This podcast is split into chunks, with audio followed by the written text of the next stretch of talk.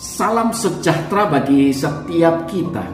Saudara dikisahkan setelah Alexander Agung menaklukkan negara Persia dan India, dia diperhadapkan pada satu pemberontakan di dalam pasukan tentaranya sendiri. Setelah mendengar laporan tentang pemberontakan ini, dia langsung melompat dari pelataran tempat dia berdiri dari podium dan kemudian menahan beberapa pasukan-pasukan yang melakukan pemberontakan atau yang memprakarsai pemberontakan ini. Lalu ia segera kembali ke podium dan dia berbicara kepada seluruh pasukan yang ada, termasuk kepada beberapa orang-orang yang melakukan pemberontakan itu. Dia menggunakan kesempatan ini untuk kemudian dia berpidato di hadapan seluruh prajuritnya. Lalu ia berkata, "Siapa di antara kalian yang dapat berkata bahwa dia menderita lebih banyak untuk saya dibandingkan saya menderita untuk dia?"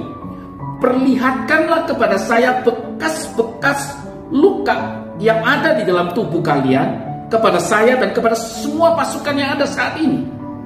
Dan saya akan menunjukkan bekas-bekas luka di sekujur tubuh saya yang penuh dengan luka-luka ini.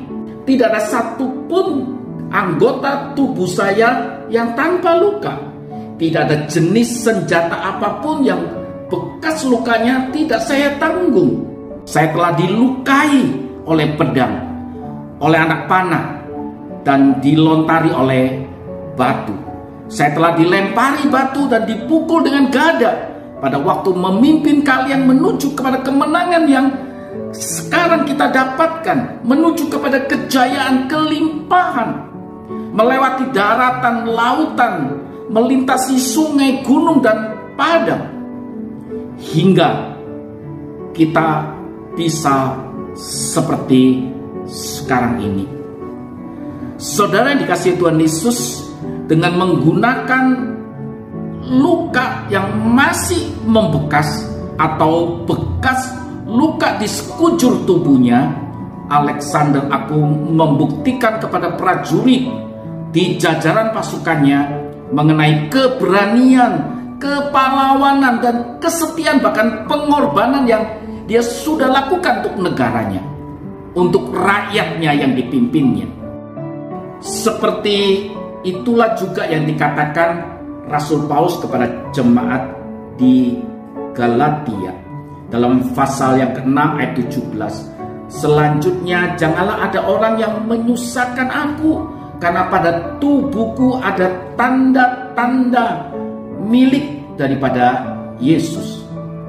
Saudara yang dikasih Tuhan Yesus, Paulus tidak ingin bermegah atas apa yang sudah dikerjakan selama ini tetapi dia ingin bermegah hanya kepada apa yang sudah dikerjakan oleh Tuhan Yesus bagi dirinya atau bermegah pada salib Yesus yang sudah berkorban dan mati untuk dirinya. Dia sadar bahwa apa yang sudah dikerjakan selama ini adalah karena anugerah dan kekuatan yang sudah Tuhan kerjakan di dalam hidup dia. Saudara yang kasih Tuhan Yesus, dia ingin seluruh hidupnya adalah sebuah pemberian yang terbaik, sebuah tanda syukur yang sudah diterimanya dari Tuhan Yesus yang selamati bagi dirinya yang sangat berdosa itu.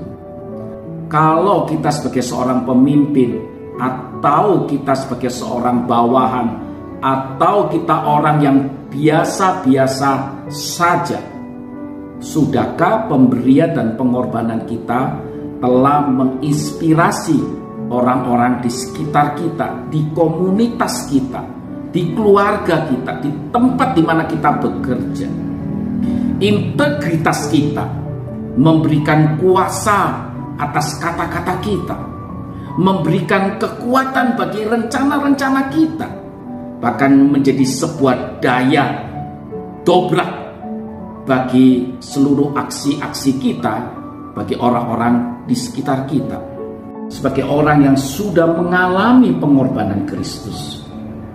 Apakah dalam rumah tangga kita, dalam komunitas kita, dalam pekerjaan kita di kantor maupun di mana pun kita berada dan ditempatkan. Apakah saudara sudah memberi buah perubahan di sekitar kita? Tuhan Yesus memberkati setiap kita.